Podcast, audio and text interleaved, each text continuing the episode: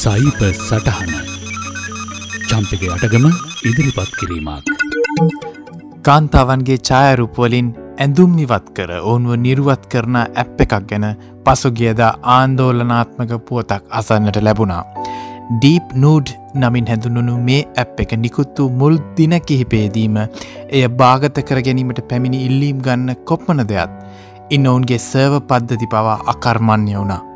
මින් නිරුවත් කරේ කාන්තාරූප පමණක් වන අතර එය නොමිලේ සහ ඩොලර් පණහක මිලින් යුතු වෙලුම් දෙකකින් යුක්ත වුණා. මින් නිර්මාණය කන ලද රූපවල කාන්තාවන් කෙතරම් තාත්වික ලෙස ඔවුන් නග්න කළේ දෙයන්න. සහ කෙතරම් පහසුවෙන් සහ අඩු කාලයකින් එම ඇප් එක භාවිතා කරන්නෙකුට එය කළ හැකි වුණේ දෙයනාදිය ගැන මේ විෂය කෙල පැමිණි විද්වතුන් පවා මවිතයට පත් වනා.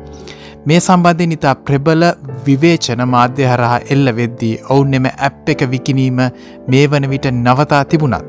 ඉදිරියේදී මෙය මීට වඩා දියුණු කර වෙනත් නමකින් නැවතමත්වීමත් ඇප් එක අරහා නිර්මාණය කරන රූප සංසන්නයවීම නැවැත්වීමත් කළ නොහැක්කක්.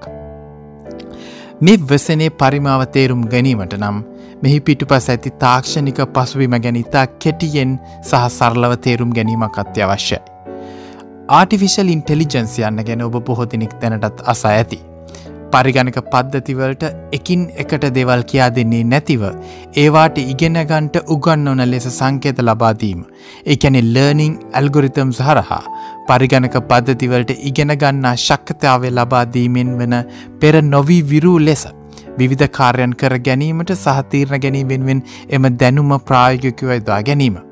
ඔබ දැනටමත් නොදැනම ආටිෆිශල් ඉන්ටෙලිජන්සි ප්‍රයෝජන ලබනවා. ඒ තරම ප්‍රච්චලිතව ඇති නිසා.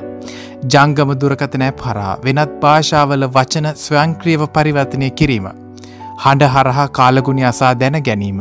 ඔබ ඊමේල් ටයිප් කරද්දි එම වාක්‍ය සම්පූර්ණ කිරීමට ස්වයංක්‍රියව උපකාර ලැබීම යනාදිය ඉතා සරල උදාහරණ කිහිපයක් පමණයි. මෙම ශේත්‍රයේ මෙවැනි විරිතා ඉතා විශාල දියුණුවක්කට ලක්වෙමින් පවතිනවා. එහි උපකුලකයක් ලෙස මැශීන් ලර්නිං සහ තවත් දිගුවක් ලෙස තෝරාගත් එක් කාර්යක් වෙනුවෙන් ඉතා ගැඹුරට ලර්නිං ඇල්ගුරිතම්ස් දියුණු කරන ලද ඩීප් ලර්නින් දැන් විශාල අවධානයක් කරගන්නවා. ඩීප් ලර්නින් වලින් කළ හැකි අතිශය ප්‍රයෝජනවත් වැඩවලට අමතරව එය අඳුරු පැතිවලට යොමු කරන්නත් පුළුවන්. අසත්‍යය එහෙමත් නැත්නම් ෆේක් කන්ටෙන්ට් නිර්මාණය කිරීම එවැනි ඉතාම හානිකර ප්‍රවණතාවයක්. ඩීප් ලර්නිං සහ ෆේක් වචන එකතු කරලා ඩීප් ෆේක් නමින් දැන් තනි වචනයක් පවා නිර්මාණය වෙලා තියෙනවා මේ භයානක නැඹුරුව හඳුන්වන්න. ඩීප් ෆේක් තාක්ෂණය හරා ඉතා පහසුවෙන් එක් පුද්ගලයගේ සිරුරට තවත් කෙනෙක්ගේ මුහුණක් බද්ධ කරන්නට. එම පුද්ගලයාගේ කටහඬින් ඔවුන් නොකියූ යමක් ඉතා තාත්තික්ව තොල් චල්නය කරමින් කියන අයුරෙන් ෆේක් වීඩියෝ නිර්මාණය කිරීමට යන්නේ ඉතා සුළු වේලාවක් අඩු පරිශ්‍රමයක්. මේ වගේ ඇප් නිර්මාණය කිරීමට සුවිශේෂී තාක්ෂණික දැනුමක් තිබෙන්නට ඕනා යැයි ඔබ සමහර විට හිතනවා ඇති. නමුත් ඒසි නොවේ. මෙහි මූලික ඉගෙනීමේ කාර්ය කරන මුදුකාංග පවතින්නේ ඕපන් සෝස් සොෆ්ටය ෆ්‍රේම්වර්ක් විදියට. එකැනෙ ඕනෑම කෙනෙකුට එය භාගත කරගෙන තමන්ට අවශ්‍ය කාර්යන් සදා වෙනස් කොට භාවිතා කරන්නට පුළුවන් සාමාන්‍ය තාක්ෂණික දැනුමක් සහිතව. මා මුලින් සඳහන් කළ ඩීප් නූඩ් ඇප් එක නිර්මාණය වෙන්නෙත් මෙලෙසින්. දෙදස් දාහත වසරේදී කැලිෆෝනියනු විශ්වවිද්‍යාල විසින් පික්ස් පික්ස් නැමති අල්ගුරිතමයක් නිර්මාණය කළා. එයින් කළේ ඉතා විශාල රූප ප්‍රමාණයක් යොදාගෙන වෙනත් රූපයක් නිර්මාණය කිරීම. එකැනේ an implementation of a generic image to image translation using conditional adversarial networks. මේ බොහෝ විට චිත්‍රශිල්පීන්ට තම නිර්මාණ කාර්ය පහසු කර ගැනීමට නිම වූවා. නමුත් ඩීප් නූට් නිර්මාමකයා කරේ එම ඇල්ගොරිතමය යොදාගෙන සත්‍යය නිරුවත් කාන්තාරූප දහදාහක් පමන් ප්‍රමාණයක් එයට යොදාගෙන ඇප් එක භාවිතා කරන ඕනෑම අයෙක් සපයන නිරුවත් නොවූ කාන්තාවගේ රූපයක ඉතාම තාත්වික ලෙස නිරුවත මතු කරන එක. මේක තරම් භයානක ප්‍රවණතාවයක් දයි අමුතුවෙන් කියන්ට අවශ්‍ය නැහැ. එය පැහැදිලිවම ලිංගික බලහත්කාරකමක්.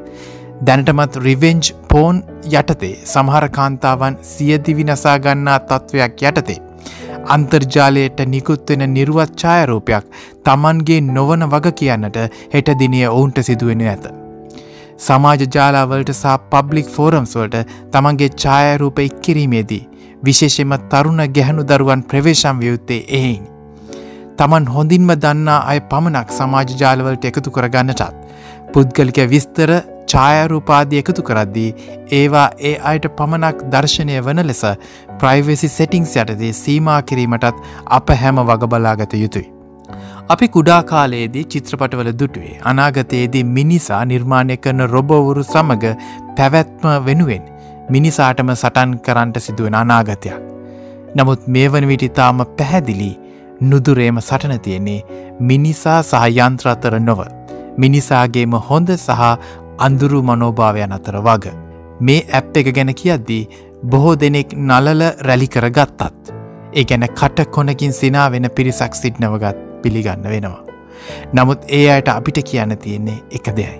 කිසි ලෙසකින් මෙවැනි ඇප් එකක් භාගත කර එහි නිර්මාපකයන්ට අනුබල නොදෙන්න.